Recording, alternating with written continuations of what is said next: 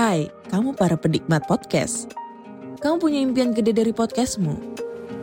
Terus First Story bisa banget bantu kamu. Mulai dari F-Link, Dynamic Audio Insertion, sampai statistik yang komprehensif. Semua ada di First Story. Gak ketinggalan kamu bisa monetisasi podcastmu lewat iklan dari First Story Ads yang bisa kasih kamu penghasilan dari setiap place podcastmu. Yuk gabung sekarang dengan klik di firststory.me. Sekali lagi, klik di firststory.me. Mari kita bawa mimpi podcastingmu menjadi kenyataan. Yo guys, balik lagi bersama gue Randy Gue Vincent, di Konspirasi Kopi. seruput dulu kopinya. Oke teman-teman, this is the new season of konspirasi kopi, season ketiga. Season ketiga. Anjing udah kayak episode 100 aja ya, sampai Yes. season sampai 3 biji. Oh tapi 3 is our magic number nih. Yo, kayaknya. yo, iya, Harusnya parah. di season 3 ini kita Uh-uh. bisa lebih terkenal dibanding Jindan. Asli. Oh Jindan, Jindan bangset, Jindan, Jindan. Kenapa Jindan? Eh lu BTW tadi udah sebat ya? Ah, udah, udah, udah. Udah sebat ya? Udah, aman lah berarti udah, ya? Udah aman, udah Tapi aman. lu ngerokoknya pakai apa namanya? eh, korek putih gak sih lu? Enggak, kenapa emang? Aduh, enggak enggak, untung untung. Oh, Karena gitu. kalau lo pakai korek putih, Uh-huh. lo meninggal tiba-tiba, Uh-huh. wah bisa jadi lo memang ternyata yang disuspek orang-orang bahwa lo anggota Illuminati bener nih. Oh, ini 27 Club. 27 Club. Anjir, oh ini lu baca ini, baca komentar lu. Dan ada teman kita juga nih dari uh, Paranoise tuh ada yang komen juga bahwa dia ini nama akunnya Kal11, dia bilang bahwa 27 Club semuanya pada punya korek putih. Tadinya gue pikir apaan sih korek putih anjing gue makanya nih kan gue replay nih gue balas cuman ketawa doang gue nggak ngerti anjing maksudnya apaan gitu. Oke. apaan sih Bre? apaan sih korek Iya, putih itu jadi apaan? uh, ini sebenarnya konspirasi sih ya. Oke. Konspirasi bahwa setiap orang yang meninggal di usia 27 tahun yang which is they are celebrities yang mereka Hmm. pokoknya di- 27 Club lah ya Ya, 27 Club itu ketika mereka mati ditemukan Mm-mm. korek putih di jasadnya mereka. Oh gitu. Oh itu yang dimaksud korek putih itu itu maksudnya. Yes. Anjing. Nah, ada-ada aja pattern pe- apakah itu sebuah pattern atau pola ya kan pembunuhan nah, nggak ngerti kita ya. Nggak ngerti lah ya. Tapi ya itu konspirasi juga. lah. Iya, konspirasi. Tapi mantap juga nih si Kal 11 nih berarti dia ngikutin, dia tahu 27 Club ternyata. Dia ngerti ya. Ngerti dia ternyata. Mungkin bisa lah next day uh, Carl 11 tuh kalau emang mau ngobrol-ngobrol bareng sama kita nih ex anggota Illuminati boleh lah main. Boleh, boleh. Boleh main ke kuburan ya. Boleh main di kuburan. Aduh. Oke, eh ini kita bacain komentar teman-teman dulu ya. Siap. Ah, ah. Nih di kitab Henok juga ada, Bre. Akun yang namanya Eka Ferdistia 93. Ini dia bilang, "Bang, kok mirip sama kisah Anunnaki ya?" Nah, tanda pagar cocok logi. Kenapa, Bre? Di kitab Henok tuh dia bisa ngomong kayak gitu. Ya Anunnaki satu source nggak sih? Harusnya iya dong. Satu sumber satu dong, sumber, ya. Satu sumber kayak gitu. Tapi lebih lebih kayak gini sih. Jadi Mm-mm. Uh, let's say gue menceritakan satu hal ke lo. Mm. Terus gue menceritakan satu hal lagi ke teman-teman kita nih. Ya, Dan mereka akan menceritakan hal itu ke orang lain dan lu akan menceritakan itu ke orang lain. mulut ke mulut. Ya, dan cerita itu kan jadi berbeda, pasti, Bro. pasti beda, pasti beda. Gitu loh, satu Bener-bener. source, satu sumber, tapi menjadi berbeda ketika diceritakan dengan gayanya yang masing-masing. Iya, makanya kenapa eh, cerita rakyat di di maksudnya di kalangan eh, apa tuh orang-orang daerah ya bisa dibilang ya di kalangan suatu daerah tuh pasti mereka punya cerita rakyatnya masing-masing tapi patternnya sama ya. Patternnya sama. patternnya sama cuman namanya mungkin ada yang beda gitu Yes. nah di situ muncullah konspirasi Konspirasi. parah parah parah parah Kayaknya seru kali ya kalau kita someday ngebahas Anunnaki ya. Wajib, wajib. Ini tuh kayak udah makanan wa- wajib orang-orang konspirasi sih. Sebenarnya lagi pada ngebahas Anunnaki tuh kayaknya hangat banget gitu. Oke, Tapi bahas- prepare, prepare yourself guys. Iya, iya, iya, iya. Tapi basi nggak sih, guys? udah basi nggak sih? Anunnaki, ya. Anunnaki. kayaknya kalau di Noise mungkin belum sih. Belum ya? Belum. Belum ya. Oke, Mungkin oke. kalau kita ngebahas ya karena uh, so far banyak orang memang sudah membahas Anunnaki gitu ya. Iya. Tapi kalau ngebahas secara detail dan secara detail what's dan the missions of them gitu Ah, kan. historik. Oh iya, eh, mungkin bakal seru juga gue bahas, bakal bahas. Sebenarnya yang ngangkat konspirasi Anunnaki itu pertama kali namanya Zakaria Sitchin. Nah itu dia ilmuwan bre, dia tuh ilmuwan. Nah itu akan bakal seru banget tuh kalau kita bahas secara detail, secara historiknya. Ya nggak sih? Yes, Gitu. Mungkin next kali ya. nantikan lah, nantikan. Nantikan saudara-saudara dan teman-temanku ya kan. Ada lagi nggak nih komentar? Coba sebentar, gue gue cek cek dulu nih. Oke. Nah ini nih Tasya Sungkar 88 nih sebenarnya udah lama nih udah tiga minggu yang lalu dia komentar nih. Ini beneran ada formnya tuh. Dia komentar di ini bre 2050 pindah ke Mars. Oke, kalau kalian butuh formnya kita udah udah sediain ya. Udah, udah gue bales juga. Tapi yang versinya Elon Musk, versinya yang SpaceX, gue udah nemu. Berbayar deh sekarang. Jadi sekian juta dolar deh. Dulu tadinya gratis ya. Dulu dia open kan, kayak Iya. open, eh, ayo deh siapa aja gratis gitu kan. Tapi belakangan jadi proyek, ujung-ujungnya Ya, jadi. karena peminatnya banyak lah. Iya gitu. Semakin banyak orang yang minat pindah ke Mars gitu kan. Oh, oh. Soalnya kalau di bumi ini ada jindan sih bro. Kenapa sih dengan That's why, that's why orang-orang kayak pada pengen pindah gitu aja. Gue juga jadi malas dengerin suara eh, apa namanya gitu. Oh kan. tapi shout out to Jindan dan Mbak Denis ya kan udah bisa membawa Jindan ke arah yang lebih lurus. lebih baik lah Iya, ya. jadi perdukunan di Indonesia ini saat ini berkurang karena satu Berkurang, dukunnya I see. satu dukunnya sudah tidak mengaku bahwa dia adalah dukun dan dia sudah beralih profesi jadi rapper. nge-rap ya. jadi ya? nge-rap, Bro. Nge-rap, anjir. jadi nge-rap. Mungkin Iya, karena iya, ini ya, iya, karena kemarin kan dia memang dia bercerita bahwa dia anti tembak. Hmm. Ya kan? Tapi ketika disuntik dia nggak berani. ketika mau disuntik jarum aboket.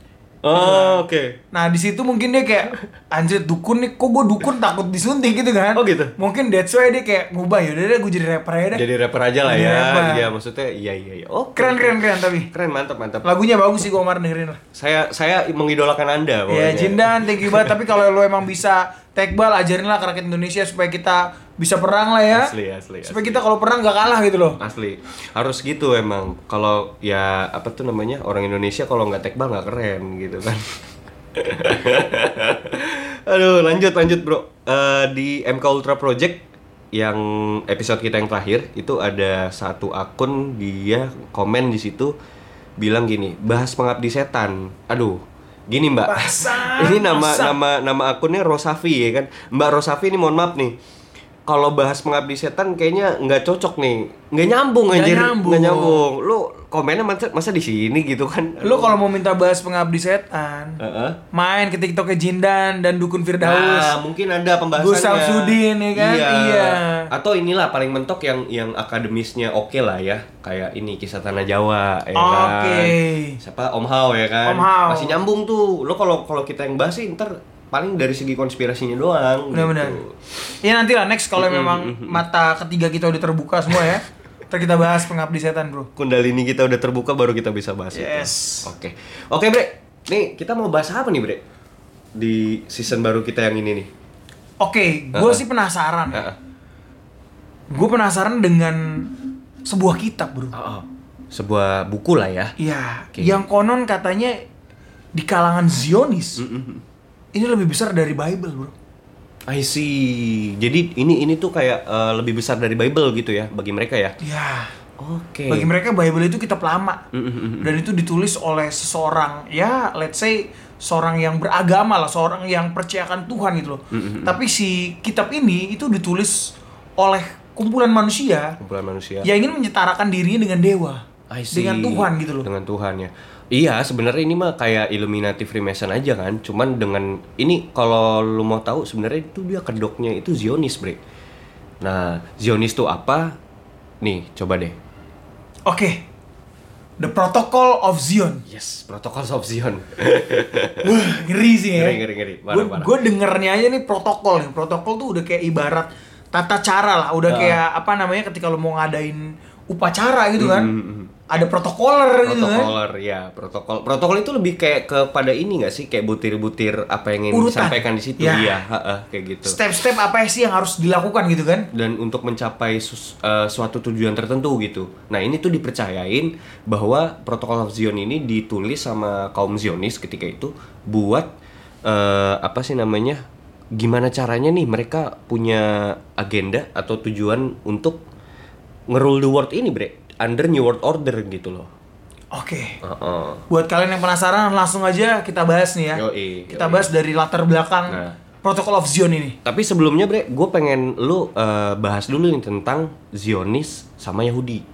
Gerakan gerakan Zionis itu sebenarnya apa sih, bre? Oke, Nah, di pertengahan abad ke-19 Mhm. kerinduan orang-orang Yahudi ini banyak tersebar di seluruh dunia. Mm-mm. Dan mereka rindu gitu ingin ingin balik lagi ke tanah nenek moyang mereka. I see. Dan Iya. itu memuncak dalam gerakan nasionalisme yang disebut Zionisme. Zionisme. Oke. Nah, secara etimologi, Ya. Zion atau yang dikenal sebagai Bukit Sion merupakan sinonim dari tanah Israel yang merupakan wilayah kekuasaan Raja Daud pada masa pemerintahannya yang disebut sebagai kota benteng Daud. Oh, oh jadi wilayahnya Israel yang dimaksud sama mereka Zionis ini wilayahnya yang si Daud itu ya? Yes, wilayah kekuasaan Raja Daud. Oh, gitu. I see. Nah, wilayah ini tuh meliputi daerah yang kita sebut sekarang tuh sebagai Tanah Israel tuh. tanah Israel. Hmm, yang whole sehol ini ya Israel itu gitu ya. Yes, dan sebagian besar Timur, Tengah, lah. I see. Nah, si Zionis ini percaya bahwa tanah ini merupakan tanah suci, Mm-mm. the Holy Land, Holy Land. Oh iya the emang benar. Land, tanah Iya. yang dijanjikan oleh Tuhan untuk mereka. Emang benar. Ya Tanah Kanaan kan Tanah disebutnya kan. Kanaan, Yang Iya. pada saat itu dijanjikan kepada Musa lah, Iya, betul. ya kan? Setelah ini kan, setelah pembuangan mereka di Mesir kan. Di Mesir. Heeh. Dan gak boleh ada bangsa lain selain Yahudi yang dapat mendiami tanah ini. Egois anjir. Asli. egois, egois, egois. Dan tanah ini sering kali jadi bahan perebutan lah oleh bangsa-bangsa Timur Tengah ya. Heeh, heeh. Untuk saat ini, khususnya Iya. bangsa Arab dan Yahudi yang sama-sama percaya bahwa ini tanah milik nenek moyang mereka. Sebenarnya kalau mau dipikir-pikir kompleks, Bre. Di situ apa ya? eh, permasalahannya udah kompleks, Bre. Masalahnya satu sa- masing-masing tuh ngerasa bahwa ini tuh tanah nenek moyang mereka gitu loh. Agree. Kenapa enggak? Ya udah sih ngumpul jadi satu aja di situ gitu loh. Hidup berdampingan aja nggak sih? Ya kan sebenarnya itu kan solusinya kan? Iya, mungkin kalau orang-orang kaum cuaks kayak gitu gitu ya.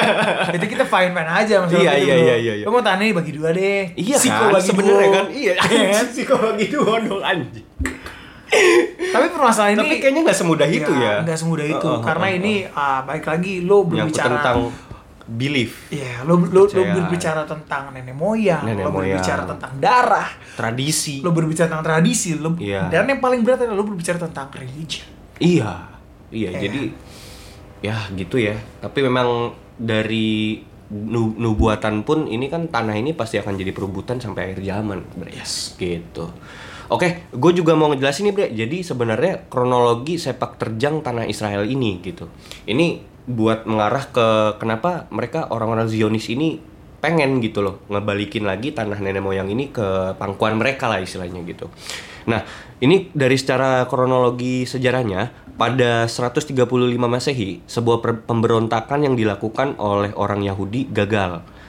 Eh, Kaisar Romawi Hadrian mengusir orang-orang Yahudi dari Yerusalem dan memutuskan bahwa kota dan wilayah sekitarnya menjadi bagian dari entitas yang lebih besar yang disebut Suriah Palestina di bawah pemerintahan kerajaan Romawi. Nah, kita tahu kan waktu itu zaman Masehi, eh, zaman Yesus, itu kan yang ngerul itu kan emang kerajaan Romawi. Romawi. Jadi waktu itu uh, 135 Masehi itu waktu itu yang megang kekuasaannya Israel itu kerajaan Romawi. Benar. Di bawah Kaisar Romawi Hadrian 135 Masehi. Nah, dibawa tuh uh, sampai masa perang salib, masih orang-orang Romawi nih yang yang ngerul tanah itu gitu loh.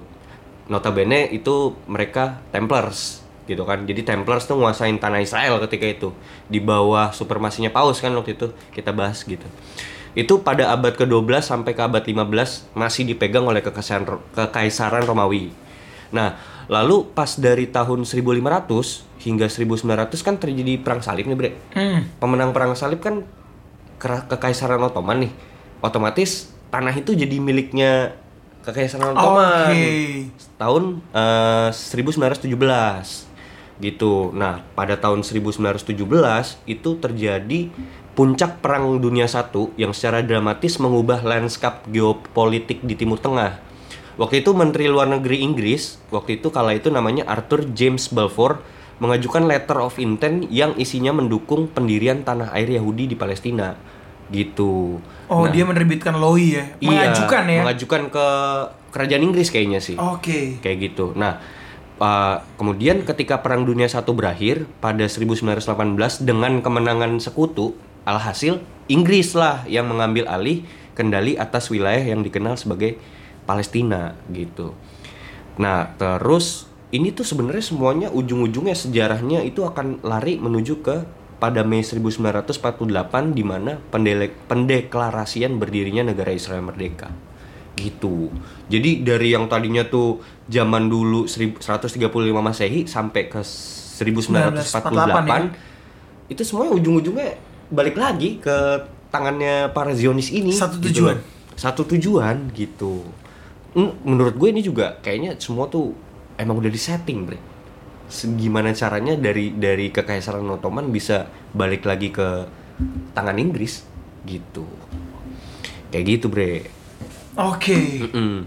Nah, gue lanjut ya, bre. Lanjut, Bre. Lanjut ya. Nah, terus ini nih, gue mau masuk dulu ke pendahuluan dari Protokol of Zion nih, Bre. Nah, jadi ini mungkin lu aja kali. eh Protokol of Zion tuh sebenarnya apa gitu loh? Oke. Protocol of Zion itu sebenarnya tuh dokumen, Bro. Mm-mm. Dokumen dari dataran Eropa Mm-mm. yang muncul dan menghebohkan jagat internasional di masa itu. Oh, Itu tuh tahun 1920 lah. asli viral deh. Viral. Parah, Wah, kalau di internet itu udah tersebar kali. Asli, asli. Kalah Jindan viralnya. Serius loh kalau itu ya, kalau udah Ah. di internet ya. Nah, teks ini tuh ada terdiri dari 24 segmen. Oh, 24 butir ya. 24 butir yang berisi langkah-langkah Heeh. serta agenda hasil pertemuan rapat antara sesepuh atau tetua atau cendekiawan atau you name it lah Ya, ah. dari para Zionis ini. Oke. Nah, dalam usahanya mendisrupsi, merusak, menguasai negara-negara besar di dunia demi mewujudkan suatu pemerintahan dunia di bawah suatu pemerintahan atau yang biasa kita sebut New World Order. New World Order. Gue gue yakin satu pemerintahan ini ini pelam- perlambangan dari negara Israel merdeka nggak sih harusnya? Iya dong. Ya. Atau mungkin lebih dari itu. Lebih dari itu, Lebih iya, dari iya. itu gitu loh. Nah, diklaim nih Mm-mm. dokumen yang dibuat ini tuh Dibuat-buat. dibuat-buat untuk Oke. menakuti orang-orang gitu loh. Nah, ini Mm-mm. kalau nggak salah diklaim oleh FBI ya. Mm-mm, Oleh mm-mm. FBI sebagai dokumen ah dokumen palsu nih. Iya. Cuma buatan orang. Iya. Padahal kan dia juga kaki tangannya Illuminati Freemason juga Yes. gitu kan. Nah, Dan itu seandainya dibuat-buat oke, Ah, ah, it's ah, okay ah. gitu ya. Iya, Tapi iya. what if it's real? oke. Gimana lu kalau maksud- ini nyata, Bro? Hmm, jadi kalau misalnya ini dokumen ini adalah real gitu ya, ya kan? Bagaimana ini tuh jangan-jangan merupakan agendanya Illuminati beneran gitu dari Freemason beneran gitu kan? Step-stepnya mereka Heeh. untuk menuju New World New World Order. Order. Oke, I see, I see, I see. Gila, keren banget sih ini kalau misalnya emang ini bener-bener real ya bre dan emang bener-bener dokumen yang dibentuk sama orang-orang Zionis ini, gue rasa eh, apa ya bakal mind blowing banget sih gitu loh. Maksudnya eh, arahnya itu kan memang sebenarnya mereka membentuk New World Order. Nah, tapi lewat agenda protokol ini gitu kan. Yes. Karena kan banyak yang bilang ini tuh hoax gitu kan. Tapi kalau maksud gue gini, kalau hoax kenapa jadi viral anjir? Maksudnya viralnya tuh yang kayak orang tuh banyak yang sampai terjemahin gitu-gitu. Nah ini gue mau jelasin nih dari sejarah penyebarannya dulu ya. Oke. Nah jadi eh, teks dokumen ini eh, apa namanya Protocols of Zion ini dikutip dari laman Historia ID ketika itu di Wina di Australia pada tanggal 14 Februari 1986 seorang jurnalis bernama Theodor Herzl menerbitkan 3000 eksem- eksemplar pamflet berjudul Der Judenstaat yang menawarkan ide pembentukan negara Yahudi. Teks pamflet ini segera tersebar luas dan menuai beragam tanggapan di kancah internasional. Nah, semenjak saat itu Theodor Herzl ini dikenal sebagai bapak Zionisme modern. Jadi dia nih sebenarnya yang menyebarkan paham Zionisme ini ini Theodor Herzl Melalui gitu. pamflet-pamflet gitu ya. Kayak ini bre, risalah kayak semacam Flyer. kolom di dalam newspaper ketika itu kayak gitu jadi udah tersebar di Eropa gitu kan Uh, dia punya paham bahwa gimana kita ngumpulin bangsa-bangsa Yahudi yang ada di seluruh dunia kita kumpulin kita balikin lagi ke dalam satu negara Israel merdeka di tanah Palestina. Kita kembali ke tanah nenek moyang kita. Nah itu pahamnya sebenarnya pahamnya itu gitu loh. Gitu. Nah karya tulisnya ini yang cukup out of the box itu mempromosikan ide untuk mendorong imigrasi orang-orang Yahudi yang tersebar di berbagai belahan dunia untuk pulang dalam tanda kutip ke tanah Palestina demi membentuk negara Yahudi berdaulat gitu. Nah, pada tahun 1897 Bre, tercetuslah pertemuan Kongres Organisasi Zionis pertama di dunia. Nih, karena ini nih kayaknya terinspirasi sama Theodor Herzl ini gitu. Oke. Oh, sorry berarti si Theodor Herzl ini tuh bukan 1986 tapi 1896 ya. Sorry. Oh iya, sorry. Salah, salah, salah tahun gue salah tahun. 1896 ya, Lap- berarti ya? Gimana? Tadi 1896 ya? Iya. 1896 ke 1897 gitu. Oke. Jadi 1896 ini penyebarannya dari Theodor Herzl. Nah, 1897 ini realisasi untuk eh, gimana sih kita ngebawa impiannya Theodor Herzl ini jadi nyata gitu loh. I see. Di kongres terbesar ketika itu pertama kali orang-orang Zionis berkumpul di Basel, Swiss gitu. Nah, ini kon- konferensi ini, eh, kongres ini dihadiri oleh para sesepuh cendekiawan Yahudi ya, eh, tatua-tatua Yahudi zaman itu bersama dengan tokoh-tokoh penting Yahudi internasional. Nah, dari sinilah terjadi katanya ya, Bre, perumusan atau planning atau strategi apa saja guna menghidupi semangat dan cita-cita Theodor Herzl ini. Nah, beberapa orang percaya bahwa Kongres Zionis ini hanyalah sebuah kedok, Bre, sebenarnya. Para eh, Yahudi dalam tanda kutip, yaitu Freemason, yang berkonspirasi untuk mewujudkan New World Order, gitu. Nah, dikatakan bahwa teks Protocols of Zion ini adalah rangkuman catatan notulen yang berisikan 24 protokol hasil rapat kongres di Basel tersebut. Gitu. Kemudian pada tahun 1903 sampai 1905, teks protokol ini tercetak di surat kabar Rusia nah, dengan judul Znamia dalam bentuk artikel seri bersambung sebagai tambahan risalah keagamaan oleh Ser Sergei Nilus, seorang pegawai negeri SAR. Nah, jadi pertama kali tuh dia muncul di koran, Bre. Itu Oke. protokol itu gitu. Sebagai rangkuman hasil rapat itu ya. Iya. Hasil gitu. pertemuan ya. Heeh. Tapi orang anggapnya cuman kayak ah ini mah banyolan gitu loh. Ini mah cuman kayak hoax nih gitu, Iya, iya, cuman bacaan di koran Atau aja kayak cuma gitu. ya mungkin orang zaman dulu nggak terlalu paham lagi gitu kan apa sih nih gitu. eh, eh, gitu. Nah, tapi pada tahun 1920 teks ini pertama kali diterbitkan secara lengkap dalam bentuk buku, Bre. Jadi yang kumpulan seri bersambung di koran itu dikumpulin jadi buku dan diterjemahkan ke dalam berbagai bahasa seperti bahasa Inggris, Jerman, Prancis, Arab hingga tersebar luas dan langsung menjadi viral waktu itu di kalangan cendekiawan Eropa dan menjadi buah bibir masyarakat internasional. Nah, teks ini sendiri menuai kontroversi di kalangan internasional. Banyak yang beranggapan yaitu tadi lelucon gitu kan, kayak cuman anekdot doang ini mah ya kan. Dan ada pula yang beranggapan ini merupakan literasi sastra klasik antisemitik gitu. Nah, coba Bre, jelasin Bre, ini tahun 1920 terjadi apa lagi tuh Bre?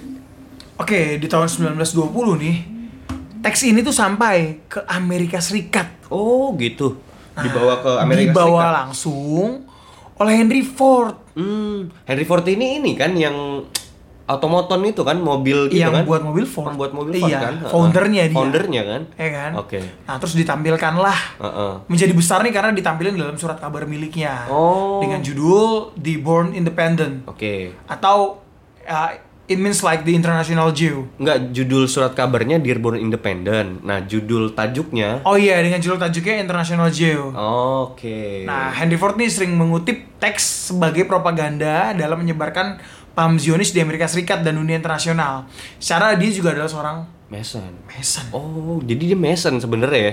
Yes. Nah, ini tuh sengaja anjing dia tuh ngebawa-bawa ini ke Amerika tuh kayak emang mau dibikin penggiringan menurut gua. Iya gak sih? Tapi menurut gua Uh, uh, uh. sebenarnya udah ada tuh di US. Apanya tuh? Uh, sebelum tahun 1920 ya. Uh, uh. Tapi mungkin uh, yang menggiringnya itu melalui si Henry Ford ini gitu loh. Teks protokol ini loh. Iya, teks protokol ya. Uh-uh. Tapi sebenarnya kalau orang-orang yang besarnya gitu ya, yang orang-orang Freemason Oh, udah yang megang. di Amerika, ya mereka udah megang. Udah megang, udah iya. megang. Cuman kan maksudnya kalau kita mau ngerunutin dari sejarah, biar ada sejarahnya gitu loh, Bre. Benar, benar, benar. Dibawa sama si Henry Ford ke Amerika, Iya. iya gitu loh. Itu dia yang bawa dan itu disebarluaskan lah. Hmm, padahal gitu mah, kan. padahal mah sebenarnya udah pada megang udah aja. pada megang. Iya, Itu kayak anjing lagu lama nih. Iya. Gitu kan. Oh ini nih, oh si si, si Henry Ford katanya Oh. kat- kalau kata orang-orang Illuminati kan, iya tahu tahu gue gitu kan gitu. Udah biarin aja lah. Biarin aja Orang gitu juga kan. ngerti baca gituan. Oh, oh, gitu. Nah lanjut bre. Ya, seperti yang diduga oleh banyak pakar dan sarjana ketika saat itu, teks tersebut akhirnya menjadi terkenal nih di anggota partai Nazi pada tahun 1920-an. Hmm. Banyak tokoh Nazi terkemuka memasukkannya ke dalam ideologi mereka. Bahkan mengilhami Adolf Hitler Mhm. dalam karya tulis miliknya Mein Kampf. Oh gitu. Oh jadi ini mengilhami ya, meng- menginspirasi si Adolf, Si Adolf Hitler, Hitler. buat nulis Mein Kampf. Benar. Kalau lu tahu bre, jadi bukunya si Adolf Hitler ini Mein Kampf itu isinya caci maki orang Yahudi semua. Bener bre. Oh karena ini ya. Karena ini. Karena ini ya. Karena mungkin yang mikir, wah anjing. Ga- Yahudi dia- udah, si- udah selangkah di depan gua loh. Si Adolf Hitler ngebaca protokol itu anjing gitu. Ini loh yang mau mereka lakuin gitu loh. Oh, oh jadi jangan-jangan muncul apa namanya tuh rasa kebencian si Adolf Hitler terlepas dari uh, kejadian dia di sehari-hari dengan orang-orang Yahudi ya, Benar. gitu. tapi dia juga ngebaca protokol of Zion ini jadi makin makin anjing kesel dia gitu iya loh. dong, kalau lu cuma diperlakukan gitu ya. Heeh. Let's say lu diperlakukan tidak baik oleh seseorang, misalnya dari ras tertentu lah. Heeh, heeh. Lu pasti akan cuma benci dan cuma benci oleh oknum itu. Iya, oknum ya. Gitu loh. Tapi kalau memang lu mengetahui uh, like a plan, their plan gitu dia. Sepak terjang mereka Iya, dan gitu kan. lu tahu bahwa mereka akan berbuat sesuatu yang kayak Oh, anjing, ini tuh gila. bakal nguasain dunia gitu loh. they want to control the world. Heeh. Nggak bisa nih gue biarin. Hmm, Gue mungkin akan di jadi yang pertama yang akan ngancurin mereka. Hmm, di situlah terjadi eh, apa namanya planningnya si Adolf Hitler ini makanya bisa muncul buku Mein Kampf ini ya, Bre. Yes. Hmm, nah, lanjut Nah, Bre. pada saat kenaikan tampuk kekuasaan Partai Nazi tahun 1933, Mm-mm, itu awal Perang Dunia Kedua ya. mm-mm. Nazi menerbitkan 23 edisi teks protokol yang didistribusikan secara luas. I see. Jadi gara-gara dari situ ya, itu disebarin juga sama mereka ya di Yes. tanah Jerman ketika itu ya. Yes. Oke, oke. Nah, nah menurut gue sih sebenarnya pinter loh. Mereka Zionis nih pinter. Dia manas-manasin Hitler anjing. Ya. Enggak, benar nggak? Benar, Secara, secara langsung. Iya kan? Mereka ngebuat plan-nya Kayak dan- propaganda dan gitu. mereka ngebuat bahwa plan-nya ini akan dikasih tahu eh akan diketahui oleh orang-orang. Iya, sengaja dibocorin. Biar orang tuh panas gitu. Apalagi ketemu orang kayak model Adolf Hitler gini kan, orangnya panasan Asli, kan. asli. Iya kan? Serius. Iya, pas dia baca anjing nih, gua nggak bisa nih gitu langsung pas Sikat ketika juga nih, Oh, gitu kan. oh, gitu kan pas jam pas zaman dia naik, di situlah dia melakukan eh, suatu apa namanya rencana untuk pemusnahan massal, genosida gitu. Tapi menurut gue itu settingan semua anjing gitu loh. Karena gini bre, It's part of the plan. it's it's part of the plan Yes. ternyata gitu kan akhirnya kita tahu gitu kan nah gue lanjut nih ya jadi pada era milenial pada abad ke tahun eh, 2000-an abad ke-20 Ken Livingstone seorang politikus Inggris pernah menyatakan statement bahwa ternyata Zionisme sama Nazisme itu adalah dua sisi di dalam satu koin yang sama dia menyatakan itu di media gitu di berita gitu ya dia menyatakan itu bre Nah, hal ini juga diafirmasi oleh George Galloway, seorang mantan anggota parlemen Inggris yang menjabat sebagai ketua Partai Buruh Inggris, Workers Party of Britain, dalam sebuah interview stasiun TV gitu. Nah, ini FYI juga karena mereka melakukan statement ini dikeluarin mereka dari mereka dari dari Oke. partainya gitu. melakukan kontroversi lah Dari ya. anggota parlemennya ya, langsung di dari parlemen Inggris langsung di Enggak, kick dari ya. partai, dari partai. Oh, dari partai doang. Ya, Parlemen kalau- masih tetap kalau jalan. ini dia abis sampai masa jabatan. gitu. Oke. Heeh, kayak gitu. Nah, bahwa dia mengatakan bagaimana pada tahun 1940 sejarah kita kita manusia tuh tahu bahwa pemerintahan Jerman melakukan program evakuasi ribuan orang Yahudi yang tinggal di Eropa atau di Jerman ketika itu untuk keluar dari tanah Jerman gitu loh. Yang juga dapat diketahui ini atas izin approval dari Adolf Hitler anjir. Tahun 1940 loh. Gitu. Jadi kayak semacam si Hitler ini ngasih eh, semacam kayak apa ya? Ngasih kesempatan dulu loh buat orang-orang Yahudi ini. Udah deh. Lu sebelum gua ngelakuin hal ini lu cabut dulu deh mendingan daripada gitu. Oke, see. Kayak gitu, Bre. Nah, ini tuh kan eh, udah jadi rahasia umum gitu loh, bahwa orang-orang di Inggris pun tahu gitu loh. Nah, terlepas dari peristiwa genosid genosida bangsa Yahudi ini yang terjadi di tanah Jerman ini, entah kontroversinya, konspirasinya, benar ya atau salah, itu mah udah sejarah gitu kan. Oke. Kita mah udah nggak nggak ikut-ikutan gitu kan. Tapi semuanya ini adalah sebuah grand scheme kaum Zionis yang berujung pada berdirinya negara Israel merdeka. Jadi dari tanah Jerman orang-orang Yahudi ini pulang mereka ke tanah untuk mendorong imigrasi. Oke. Buat pulang ke tanah Palestina biar punya alasan anjir mereka tuh pulang. Supaya mereka pada balik lagi ya. Iya, buat ngumpul lagi di tanah Palestina itu, di tanah Israel gitu loh. Nah, berarti kan dari sini kalau kita runutin tadi dari sejarah eh, protokol of Zion dan Zionisme ini ya, kita tuh bisa ketemu intervensi, eh, kita bisa tahu lah bahwa ada intervensi dari negara adik kuasa sama sekutu untuk terbentuknya negara Israel merdeka itu sendiri gitu loh. Iya nggak sih Bre? Kan ada ada orang-orang Inggris yang ikut-ikutan di situ, ada orang-orang Amerika yang ikut-ikutan di situ untuk terbentuknya uh, negara, Negara Israel Israel sendiri. merdeka gitu. Israel itu merdeka tahun 1948 berarti. 1948 gitu. Jadi ada sebenarnya kan uh, 1948 juga kan ada dorongan juga dari orang-orang Inggris kan ketika itu kan letter of intent kan. Yes. Jadi kayaknya ada hubungannya, Bre. Tiga negara ini tuh entah gimana ada hubungannya anjir. Negara Inggris terus apa namanya eh, Amerika sama Israel. Ini mereka nih kayaknya iya gitu loh. Kayak bagian dari Illuminati sih menurut gue gue bre iya Karena loh. sih ya Ah, ah, apa kayak like like everyone said lah orang-orang yang berdiri berkuasa di belakang Inggris dan Amerika Hmm, ya itu orang Israel bro. Iya iya. Nah nggak heran gitu loh. Mm, mm, mm. nah ini nih menurut gue ini gue jadi ingat sih bre. Maksud gue penggiringannya adalah ini tuh semua sebenarnya udah dinubuatkan bre. Dalam Oke. iya. Dalam Bible nih? Dalam Bible. Dalam kitab Wahyu Revelation yang ditulis sama John. Gimana di situ John mengingatkan ada tiga entitas yang sebenarnya menurut gue ini adalah re- representasi dari eh, golongan-golongan orang-orang Zionis ini gitu. Nah kan sebenarnya gini ya bre. Maksudnya kita tahu kan dalam sejarah untuk sebuah negara itu menjadi negara adikuasa dia harus melewati perang dunia kan agree Iya kan perang Yes. dunia satu dimenangin sama sekutu sekutu Nah, yang naik di situ Inggris, jadi negara adikuasa. Perang Dunia Kedua, Amerika. Perang Dunia Ketiga, kan belum terjadi nih, belum ya kan? jangan sampai jadi terjaman kita lah Tapi akan harus terjadi, bre. Perang Dunia Ketiga itu harus terjadi. Tapi- penggenapan lah ya Eh, eh, gitu harus terjadi dan di situ akan naik satu kerajaan atau eh, Entitas golongan baru. entitas baru atau golongan masyarakat baru gitu yang sebagai negara adikuasa ketiga siapa bre Israel Israel Israel Israel cuaks.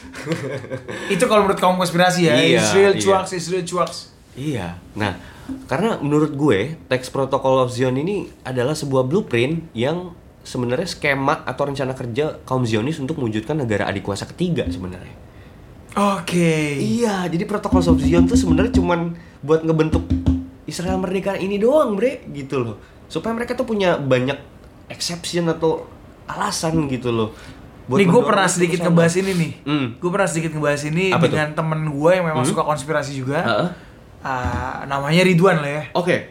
dia suka konspirasi gitu dia suka Hmm, baca konspirasi Kaum konspirasi lah. kaum konspirasi lah Hmm. dan dia itu uh, reading a lot of books a lot of articles lah dan dia Banyak sumber ya. banyak sumber dan dia termasuk uh, one of the smartest Hmm. di teman-teman gua gitu ya dan dia sempat ngebahas waktu itu uh, terkait covid ini terkait covid I see. 19 dan terkait digitalisasi gitu ya Hmm. dan di sini dia ngebahas bahwa at the end Hmm. ini semua akan ngarah ke munculnya mata uang yang belum pernah digunakan di dunia dan mata uang ini akan naik jadi besar gitu loh. Maksudnya mata uang ini emang udah ada tapi dunia tuh nggak pakai mata uang ini. Hmm. Dan ini mata uang dari Israel. Hmm. Jadi dia bilang dolarnya akan melemah nantinya nih. Hmm, hmm.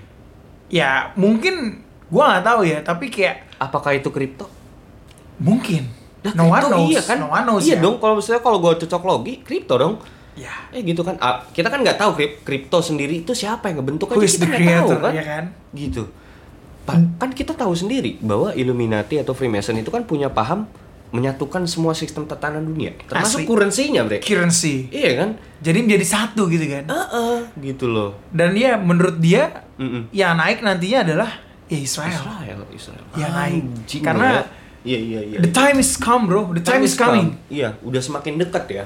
Nah ini kita ngambil referensi dari eh, kitab Wahyu ya, gitu. Karena ini pendekatan yang paling paling enak sih menurut gua. Karena maksud gua Pendekatan yang, yang paling make sense lah. paling make sense dan paling logik gitu loh. Kenapa bisa muncul konspirasi ini kan karena ada nubuatan-nubuatan di Wahyu ini gitu loh sebenarnya Bre. Nah, nih Bre, boleh nih lu bacain eh, ayatnya nanti gua coba breakdown gitu. Oke. Ah, di sini referensi kita tuh ada di Wahyu 12 ya. Iya. Ayat 1 sampai 3. Hmm. Maka tampaklah suatu tanda besar di langit. Mm-mm. Seorang perempuan berselubung matahari dengan bulan di bawah kakinya dan sebuah mahkota dari 12 bintang di atas kepalanya. Mhm. Ia sedang mengandung Mm. dan dalam keluhan dan penderitaannya hendak melahirkan. Ia berteriak kesakitan. Mm-mm. Maka tampaklah satu tanda yang lain di langit. Dan lihatlah, seekor naga merah padam yang besar, berkepala tujuh dan bertanduk sepuluh. Dan di atas kepalanya ada tujuh mahkota. Oke. Nah, jadi Bre, sebenarnya gue juga rada rada apa sih admire banget sih sama penulis kitab Revelation ini. Penuh dengan kode anjir.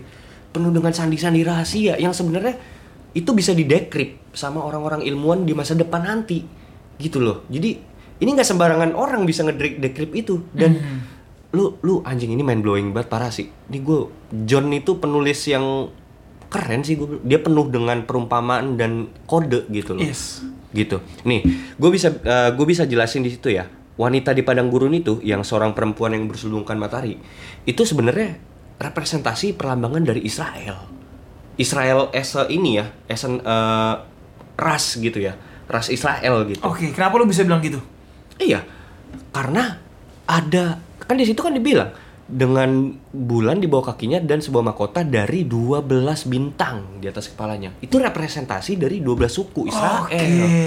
Gitu. Dari kedua belas suku Israel itu ya. Iya, dan memang kan eh, di situ kan dia juga bilang anak yang dikandung dia kan mengandung anak gitu kan. Iya. Nah, kita tahu bahwa eh, yang dipercayai oleh orang orang Kristen nih bahwa eh, Mesias Yesus itu lahir dari orang-orang Israel. Dari bangsa Israel. Nah, ini kan jelas banget bre di situ, clearly kan kayak gitu. Nah, kan terus juga disebut di situ naga merah padam itu kan kayak ngejar-ngejar si wanita itu gitu kan. Nah, sebenarnya naga merah padam itu siapa sih? Representasi dari siapa sih, Bre? Roman Empire anjir, kerajaan Romawi. Kan kita tahu dulu Yesus eh, waktu mau dilahirkan itu sampai lari lari melarikan diri kan? Iya, sampai dia harus melahirkan di kandang domba kan. Karena karena yang ngejar itu kan si Herodes. Iya, Orang Romawi anjir. dikejar untuk dibunuh. untuk dibunuh gitu loh bahwa Karena mereka nggak mau ada raja lain. iya gitu loh bahwa ya ini representasi dari, dari kerajaan Romawi sebenarnya naga merah padam ini ya gitu nah eh, terus di- dibilang juga naga merah padam itu punya kepala tujuh nah ini kode lagi nih bre nah tujuh kepala tujuh di situ sebenarnya adalah representasi dari the seven hills of Rome. Jadi eh, kerajaan Romawi itu terdiri dari tujuh bukit sebenarnya bre. Gitu. Jadi tujuh kepala itu berbicara tentang tujuh bukit kayak gitu. Nah letak geografis kerajaan Romawi yang berdiri atas tujuh bukit ya. Kita udah tahu itu ya. Nah lanjut tujuh mahkota itu jadi selama eh, kerajaan Romawi waktu selama dua setengah abad kerajaan Romawi kuno itu dipimpin oleh tujuh raja yang masa jabatannya habis ganti Oh, pokoknya ada ada tujuh jumlahnya dua setengah abad itu tujuh raja ya. Mm-mm. Kan dis- disebutkan di situ ada tujuh kan, kepala tujuh dan eh, bermahkota tujuh gitu kan. Nah terus disebut juga di situ ada bertanduk sepuluh gitu. Nah tanduk sepuluh ini menurut gua representasi dari, jadi gini bre, eh, selama masa peralihan eh, raja yang satu ke raja yang kedua nih misalnya di, di kerajaan Romawi itu ada masa peralihan selama satu tahun. Nah, di mana ada 10 orang anggota senat yang dipilih itu namanya Interrex. Interrex adalah pimpinan Romawi dalam jangka pendek yang tugasnya adalah memilih raja dan jadi kayak dia tuh eh, ngepimpin kerajaan itu hanya sementara dalam satu tahun itu sebelum dipilihnya raja baru Oke. kayak gitu. Jadi 10 senat Jadi sempat kosong lah ya tahta Iya, itu ya. iya, iya, kayak gitu. Nah ini gua ngambil dari sumbernya dari uh, dari Kompas, sama ntar gua taruh juga linknya yang menjelaskan tentang uh, apa namanya konspirasi inilah gitu di YouTube. Ntar gua taruh juga gitu. Nah ini juga ada hubungannya nih Bre di Wahyu 12 ayat 4 nih eh, apa? Ini coba deh, lu baca deh. Oke, kita lanjut ya. Hmm. Ah, Wahyu 12 ayat 4 dan ekornya menyeret sepertiga dari bintang-bintang di langit dan melemparkannya ke atas bumi. Representasi dari Fallen angels. Fallen Angels, Azazel dan Fallen Angels kan kayak gitu.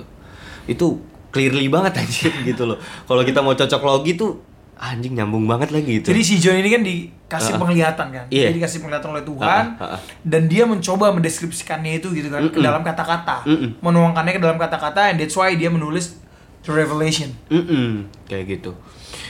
Nah, eh, yang tadi yang kayak gue bahas ya, bahwa kan naga itu berdiri di hadapan perempuan yang hendak melahirkan itu untuk menelan anaknya segera sesudah perempuan itu melahirkannya. Ya, ini simbol dari Raja Herodes anjir atau orang-orang Romawi gitu.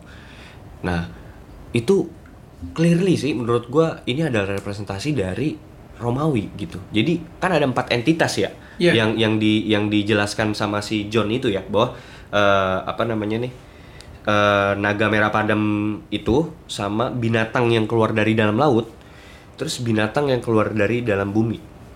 sama satu lagi yang ini si pelacur be- besar itu kayak gitu. Nah, eh, binatang yang keluar dari dalam laut itu adalah binatang yang selanjutnya dijelaskan sama si John. Nah, ini menurut gua representasi dari United Kingdom anjing. Binatang yang keluar dari dalam laut. Iya, Ini merepresentasikan iya, kerajaan Inggris. iya. Karena ciri-cirinya mirip banget anjir. Nih, coba lu baca deh. Oke, ini uh, Wahyu 13 ayat 1 sampai 3 ya. Mhm. Lalu aku melihat seekor binatang keluar dari dalam laut, bertanduk 10 dan berkepala 7. Di atas tanduk-tanduknya terdapat 10 mahkota dan pada kepalanya tertulis nama-nama hujat. Mm-mm. Binatang yang kulihat itu serupa dengan macan tutul dan kakinya seperti kaki beruang Mhm. dan mulutnya seperti mulut singa. Dan naga itu memberikan kepadanya kekuatannya dan tahtanya dan kekuasaannya yang besar. Hmm. Maka tampaklah kepadaku satu dari kepala-kepalanya seperti kena luka dan membahayakan hidupnya. Tetapi luka yang membahayakan hidupnya itu sembuh. Seluruh dunia heran lalu mengikuti binatang itu. Oke. Nah, jadi Bre, sebenarnya eh, sosok entitas binatang-binatang ini yang ditulis di Wahyu itu sebenarnya juga udah pernah diramalkan atau dinubuatkan juga sama Daniel, Bre. Oke. gak? Ingat gak? Daniel kan pernah pernah nulis juga ada em- empat, entitas iya. binatang itu juga gitu. Cuman bedanya kalau si John itu penulisannya seperti ini, serupa dengan macan tutul dan kakinya seperti kaki beruang dan mulutnya seperti singa. Nah, kalau si Daniel dia ngejelasin di situ eh, macan tutulnya tuh ada sayapnya Oke. gitu. Anjing, gokil, Pak. Itu kayak lambangnya itu kan? Lambangnya apa namanya? Uh, di Great Britain kan? Ah, iya, dan lu tau nggak? Jadi di depan kantornya UN, United Hmm. Nations, itu ada patung ini anjir. Wah, gila. Ngapain? gila, gila, gila. Gila, Nggak, buat apa gitu loh? Iya nggak? gila, gila. gila. Parah gitu loh. Buat apa anjing maksudnya? Kan banyak patung lain. Dan ini patung baru ya? The new baru, statue baru, ya? baru, baru dibangun ini di headquartersnya UN. New York bukan sih? Gua nggak tahu. Yuan? Iya, mungkin ya. New York kalau nggak salah kan? Gitu. Nih, kan dikatakan tuh Dan Daniel eh, pasal 7 ayat 3 dan empat binatang besar naik dari dalam laut, yang satu berbeda dengan yang lain. Terus Daniel 7 ayat 6, kemudian aku melihat tampak seekor binatang yang lain, rupanya seperti macan tutul, ada empat sayap burung pada punggungnya. Lagi pula binatang itu berkepala empat dan kepadanya diberi kekuasaan. Kan kurang lebih sama sebenarnya. Kayak binatang yang dijelasin di Revelation itu gitu loh gitu bre jadi ini tuh sebenarnya representasi dari Ing ah sorry. Eh, iya Inggris. Inggris ya. Inggris. Kenapa? Kerajaan Inggris ya. kerajaan Inggris. Kenapa? Karena kan dikatakan di situ bahwa binatang ini keluar dari dalam laut kan? Oke. nah kita kalau mau ngelihat dari letak geografis Inggris di ini cuma negara kecil antah berantah bre. Dari sebelah barat Eropa yang paling barat kan sebenarnya kan? Dan merupakan letak geografisnya sendiri kan didomisa dominasi sama laut. Air ya. Iya Oh, nggak? Benar-benar. binatang yang keluar dari laut anjir. Gitu loh. Dan terus disebutkan juga di situ kan ada tujuh kepala. Tujuh kepala ini biasanya representasi dari tujuh kerajaan kecil. Nah tujuh kerajaan kecil yang mempelopori berdirinya United Kingdom ya itu ada East Anglia, Mercia, Northumbria, Wessex, Essex, Kent dan yang ketujuh Sussex gitu. Nah ini apa namanya eh, tujuh kepala yang membentuk kerajaan Inggris ketika itu Oke. gitu. Nah, menurut gua kan di situ kan lu juga ngebacain ya tadi luka parah dan yang sembuh gitu kan. Nah ini sebenarnya luka parah dan yang sembuh ini berbicara tentang luka ten- eh, berbicara tentang keruntuhan Romawi. Luka itu berbicara tentang keruntuhan suatu kerajaan tersebut gitu. Luka yang sembuh melambangkan bagaimana pemikiran, paham-paham dan sistem pemerintahan zaman Romawi yang ketika itu di tanah Inggris ya. Kan waktu itu tanah Inggris tuh eh, abad-abad awal itu awal Masehi itu masih dipegang sama Romawi, Romawi. Bre. Itu. Bizantium kan waktu itu kan. Terus kan runtuh nih kerajaan itu. Tapi kan faham, ideologi dan kulturnya kan pasti Masih ngikat. masih ngikat kan Iya. sama di kerajaan Inggris ini Masih kan? berlanjut lah. masih berlanjut legacy gitu Bener. kan nah ini tuh semacam representasi dari naga itu memberikan kepadanya kekuatannya dan tahtanya dan kekuasaannya yang besar bahwa kerajaan Inggris Inggris Raya ya berdiri di atas keruntuhan dari imperialisme Romawi estafet kekuasaan anjir Iya, dan si Romawi ini kayak memberikan kekuatannya dan kekuasaannya lah ya. Iya, si naga Memberikan merah legasinya lah ya. Mm, si naga merah padam itu ngasih ke binatang yang keluar dari dalam laut itu gitu loh. Bahwa binatang laut ini tuh eh, tinggal nge- ngelanjutin kekuasaannya kayak gitu loh. Nah, lanjut break. Oke, ini yang kedua ya, binatang yang kedua ya. Binatang- binatang yang iya. keluar dari dalam bumi nih. Mm-mm. Ah, ini gue baca referensi kita ya dari ayatnya ya, ayat Hmm. Wahyu 13 ayat 12.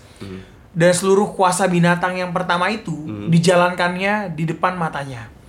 Ia menyebabkan seluruh bumi dan semua penghuninya menyembah binatang pertama. Mhm. Yang luka parahnya telah sembuh. Mhm. Nah ini kok gue nggak ngejelasin ini Nah, di sini. Sorry, uh, ini binatang yang keluar dari dalam bumi ini Ah. merepresentasikan siapa nih menurut lo? Amerika anjir, US. US kayak gitu loh.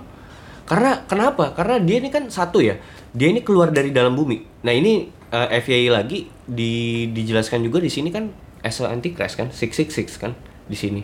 Oke. uh, binatang yang keluar dari dalam bumi ini gitu loh.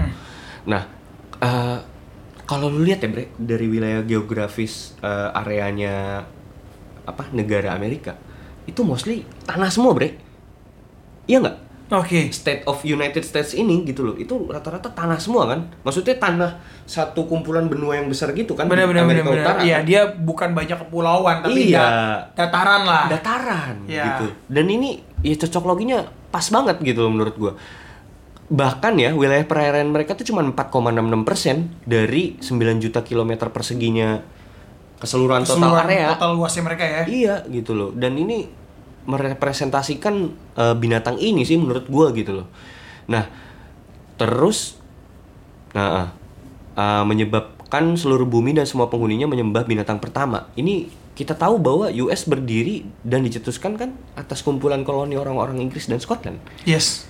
Ada estafet lagi kan? Benar-benar. Ada estafet kekuasaan dari Inggris ke Amerika. Ya ini sama kayak binatang yang keluar di- dari dalam laut itu ngasih kekuasaannya ke binatang yang keluar dari dalam bumi ini. Oke. Gitu loh. Jadi si naga ngasih ke binatang yang laut, Uh-uh. yang laut ini ngasih yang ke bumi lah ya. Iya.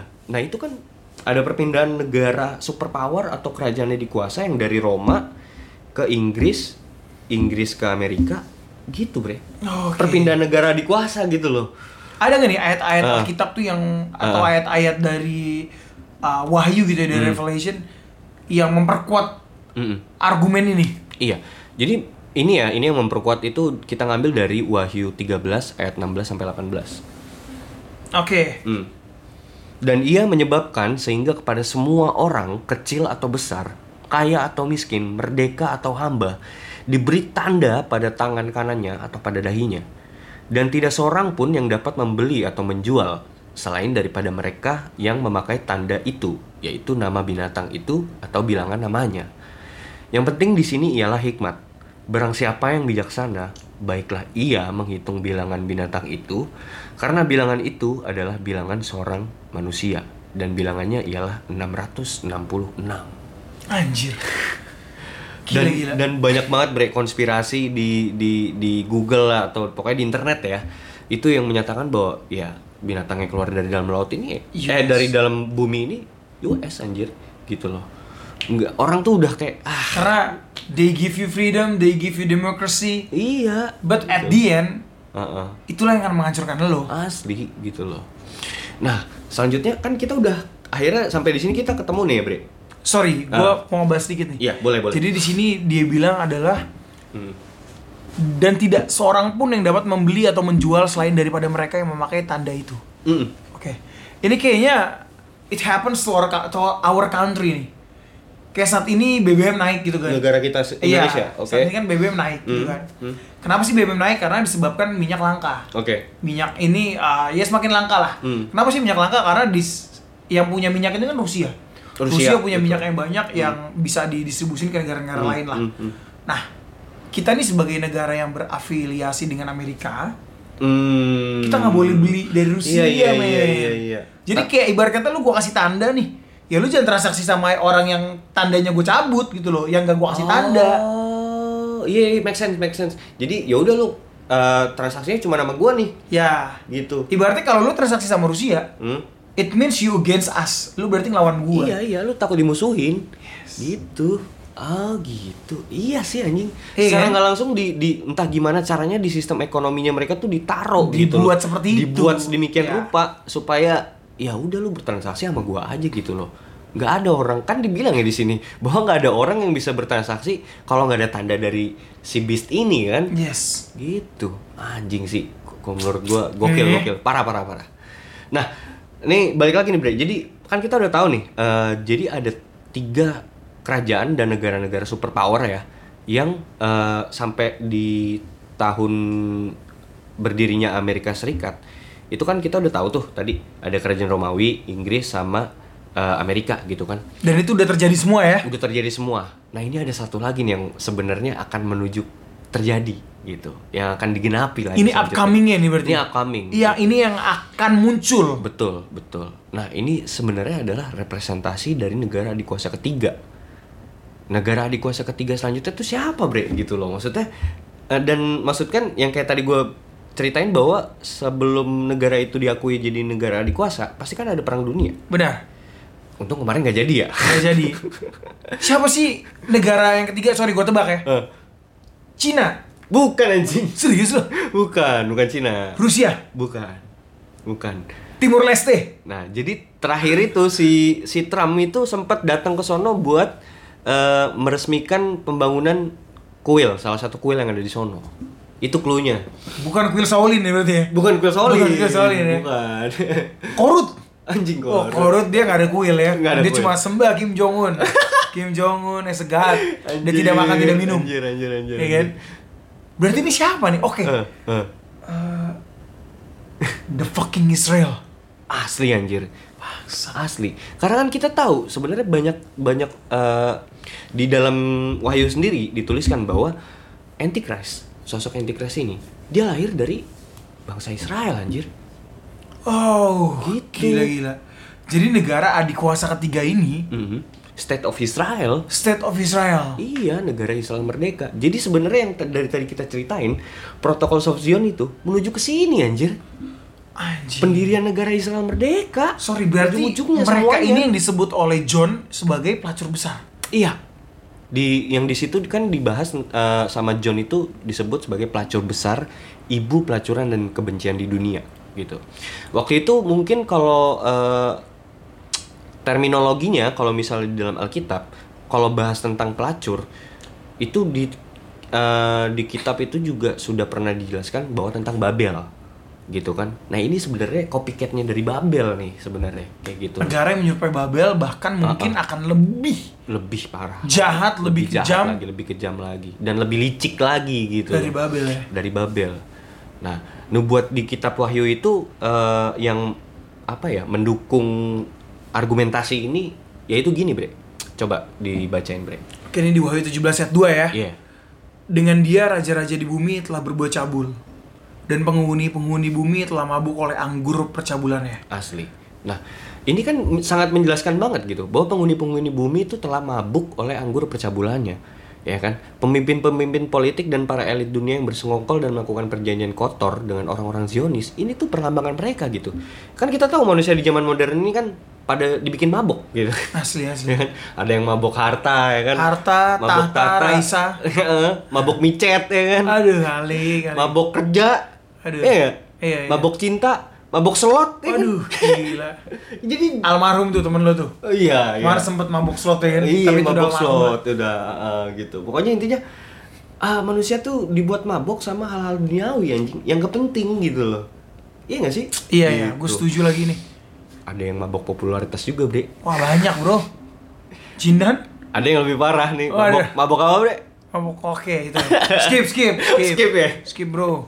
Skip bro, jangan membahayakan diri sendiri, oke? Jangan membahayakan Oke, diri oke, sendiri. Oke, oke. Lanjut, lanjut, Bre. Oke, ini Ah. yang ayat 3 ya. Ah, ah. Wahyu 17 ayat 3. Ah. Dalam roh aku dibawanya ke padang gurun. Dan aku melihat seorang perempuan duduk di atas seekor binatang yang merah ungu yang penuh tertulis dengan nama-nama hujat. Binatang itu mempunyai tujuh kepala dan sepuluh tanduk. Oke. Nah, itu kan disebutkan di situ ada ada binatang ya. Nah, ini gue jelasin tentang binatang itu. Tujuh kepala berarti tujuh gunung dan bukit yang ada di Israel. Yaitu kayak Gunung Zion, Gunung Hermon, Gunung Karmel, Bukit Zaitun, Gunung Nebo, Gunung Sinai dan Bukit Tabor. Nah, 10 tanduk ini merepresentasikan eh, perlambangan dari 10 raja gitu. Dan eh, binatang sebenarnya yang di kan si pelacur itu kan dia menunggangi binatang gitu kan. Nah, binatang itu sebenarnya eh, representasi dari sistem politik dan keuangan dunia gitu loh. Oke. Sistem keuangan sebenarnya yang dikendarai sama si pelacur ini. Sistem lah ya. Sistem. Sistem pemerintahan, keuangan, demokrasi or anything lah ya. protokol. Yes. Itu sebenarnya lamba- perlambangan protokol 24 itu adalah protokol apa? Perlambangan dari binatang ini anjir. Ah, oke. Yang dikendarai oleh Zionisme. Pelacur pelacur apa? Besar itu kan sebenarnya eh, perlambangan dari negara Israel gitu loh.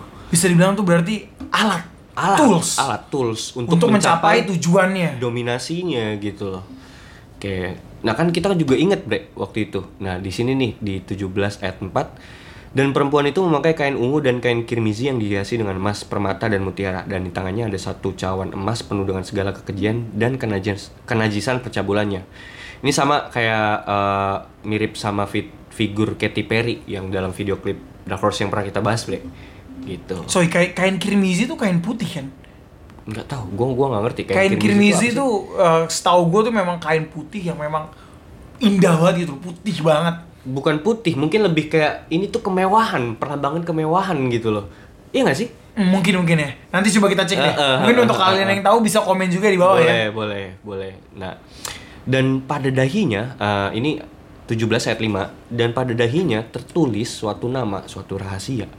Babel besar ibu dari wanita-wanita pelacur dan dari kekejian bumi. Nah kita kan di sini tahu ya terminologi melacur ya kan? Pel- pelacur itu kan perbuatan yang didasari karena adanya uang. Benar gak Iya. menurut gua politik ne- dunia saat ini apalagi yang arahnya ke barat-baratan. Kayaknya semuanya tentang uang anjing. Maksudnya yang lu bersekongkol hari ini bersekongkol dengan ini. Besok hari eh, besok hari lu bersekongkol dengan ini. Kayak kayak jablay anjir.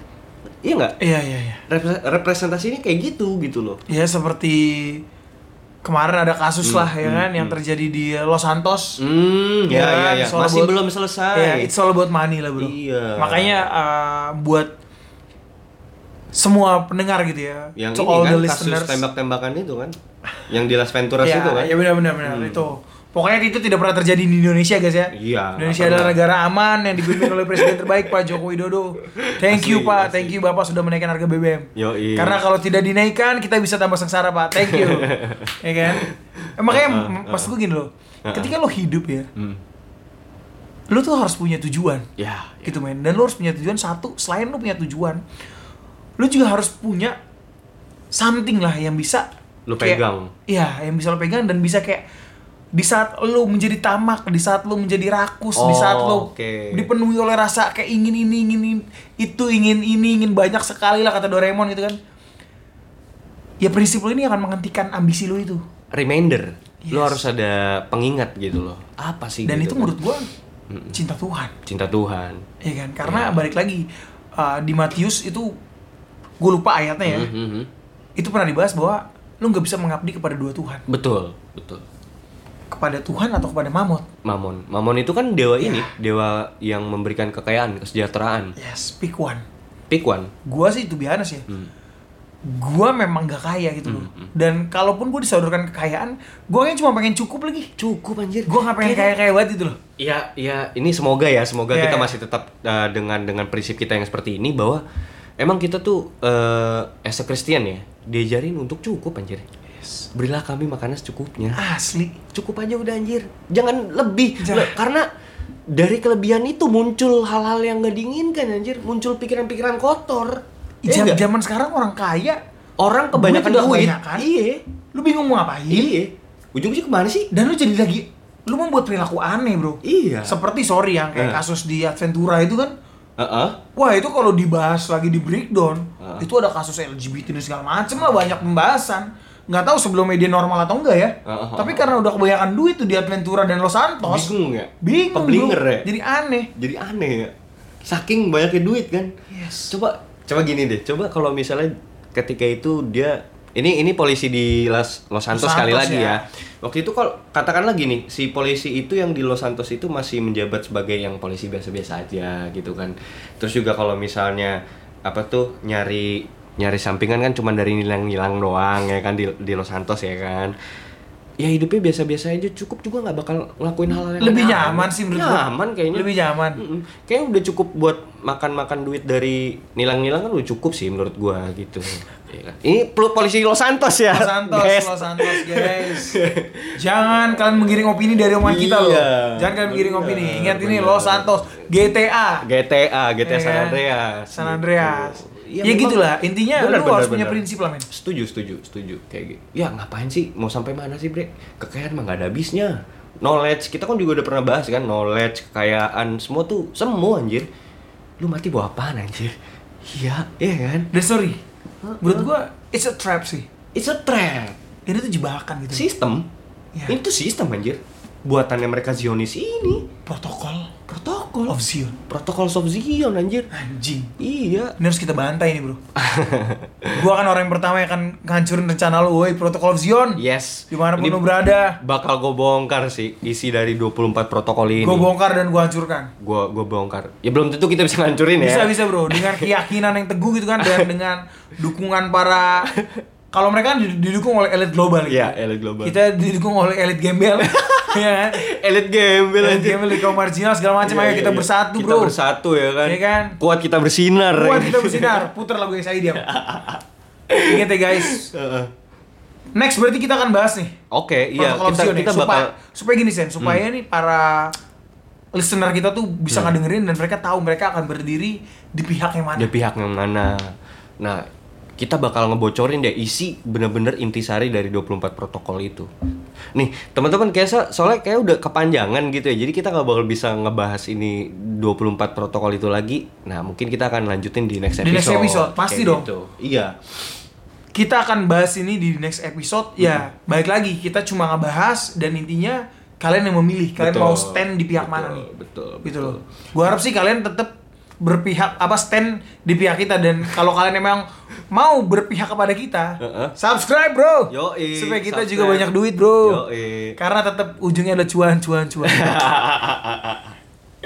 Enggak, tapi ya intinya orang yang yang yang bertahan di di apa ya maksudnya sebagai bisa dibilang kan kaum kaum anarkis kan kaum kaum yang rebel yang melawan sistem. Sistem ini kan berusaha untuk dilawan kan ya pada akhirnya jangan apa tuh jangan takut bukan jangan takut sih.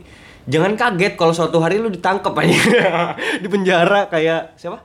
Drinks. Ya, banyak lah. Banyak gitu kan. Nelson Mandela. Nelson Mandela gitu. Tapi Iya. nggak usah takut lah Nggak usah terkait itu, takut, bro. nggak usah takut. Live by faith. Yoi. Gitu tenang kawan kita sebenarnya di sini bukan nyari cuan nyari duit.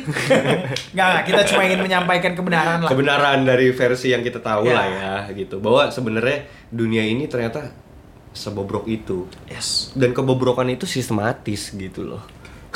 Sebelum kita tutup sen iya. buat teman-teman nih yang mau Ah. collabs bareng kita gitu ya yang Ah. mau obrolin ini dan mau ikut dalam obrolan ini bolehlah mereka komen atau uh, drop your number gitu ya supaya kita bisa reach out dan kita Oh, iya. bisa bahas. Jadi kan terakhir itu kan kalau misal di platform kita sebut aja lah ya noise Iya. ya. Di platform noise tuh ada yang namanya fitur live. Oke. Heeh, jadi misalnya ada ya? ada bre. Jadi misalnya gue lagi di rumah nih. Lo di rumah itu bisa kita live gitu barengan. Oke. nah orang-orang yang datang bisa jadi pembicara juga di situ. Oke siap. Mungkin bisa kita Ah, atur ya bisa, buat bisa, bisa buat kita teman-teman yang mau live bareng kita mau ngobrolin terkait konspirasi apa pun itulah. apa pun itulah. Apa pun itu lo mau curcol kayak lo mau apa Yes, boleh. Boleh, boleh, ngobrol aja kita mau ngobrol bareng lah. Siap. Yang Kayak penting gitu. transfer. Bangsat. Oke. Zionis Zionis. Zionis. Karena kita buat ini nih bahayanya 24 protokol Zion nih. Udah gue baca mempengaruhi bisa ya? mempengaruhi gitu loh Wah gila kayak gue harus baca Bible lagi nih Sorry sorry guys, sorry sorry Tadi gue kayak kemasukan roh jahat iya iya iya Oke, ada lagi yang mau lo bahas? nggak Sen? ada lagi sih udah Oke, cukup kalau itu kita tutup uh, dengan mengucapkan terima kasih untuk para listener. Yes. Subscribe. asli subscribe dislike like terserah lu lah Terserah lo lah. Yang penting hargain ya. iya Oke, thanks guys.